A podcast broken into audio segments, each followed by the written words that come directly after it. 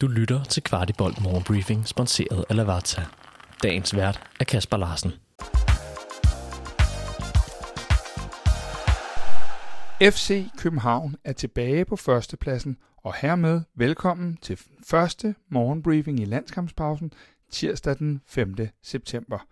Og vi dvæler lidt ved kampen i søndags, og efter kampen fik Dennis Vavro lov til at sætte lidt ord på det mål, der vel allerede er en stærk kandidat til at blive årets mål i Superligaen.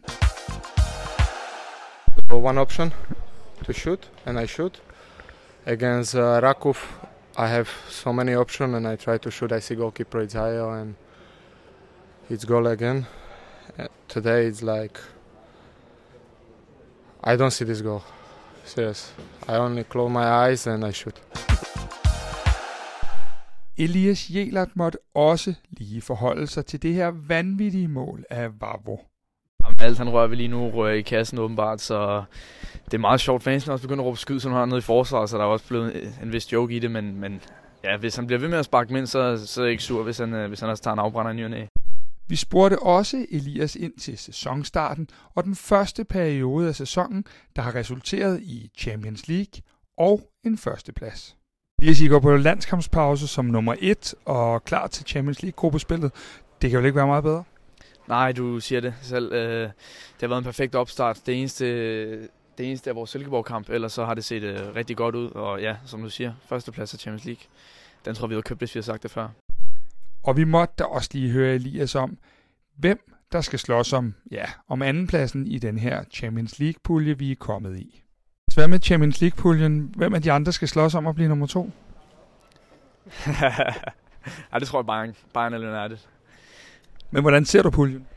Ja, det er en stærk pulje, det er der ikke nogen tvivl om. Øhm, men altså igen, vi, vi vil gerne, som Næs også siger, vi vil gerne spille Europa efter, det kunne være ekstremt fedt, så vi gør, hvad vi kan, og, øh, og ja, så må vi se, øh, hvad, hvad det bliver til, men øh, jeg tror faktisk, at, at vi kan gøre noget, noget revage.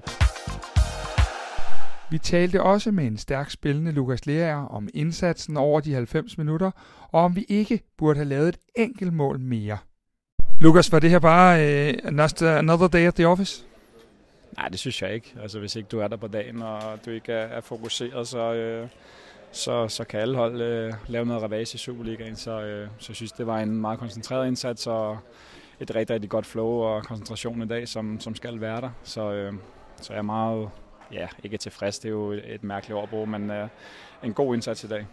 Irriterer det dig en lille smule alligevel, at I ikke får puttet nogle flere ind, for I har jo et oceaner af chance? Ja, det er det, Næsen sagde lidt til os i omklædningsrummet efter kampen, at øh, når det er som dag i dag, hvor vi, vi er så solide og flowet er så godt, så, så skal vi være bedre til at lukke kampene, og, og et mål til dem måske skal ikke øh, gøre, at vi måske bliver lidt øh, usikre til sidst, så, så ja, vi skal være bedre til at, at lukke kampene, når, øh, når vi har så godt flow.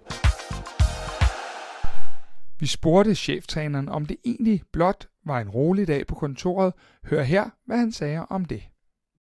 Næs, udover at I ikke får puttet et par ekstra ind, var det så øh, sådan her, du gerne vil have det, stille og roligt? Nej, jeg synes ikke, det er stille og roligt. Vi gør ikke noget for at gøre det stille og roligt, men jeg vil sige, det er, det er, det er en kamp, hvor vi, når vi er gode, så er vi rigtig gode.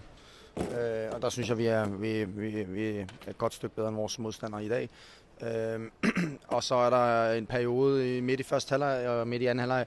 Vi mister ikke kontrol, men vi mister initiativ. Øh, og der er en meget stor forskel på det. Men altså, det er det eneste, jeg er utilfreds med i dag. det er, at vi ikke øh, scorer til 2-0 noget hurtigere, og at efter vi har scoret til 2-0, er vi ikke, øh, for jeg, altså, at vi ikke bare sparker den ind til 3-0, for så, så havde det jo været, så tror jeg faktisk, det kunne være gået stærkt.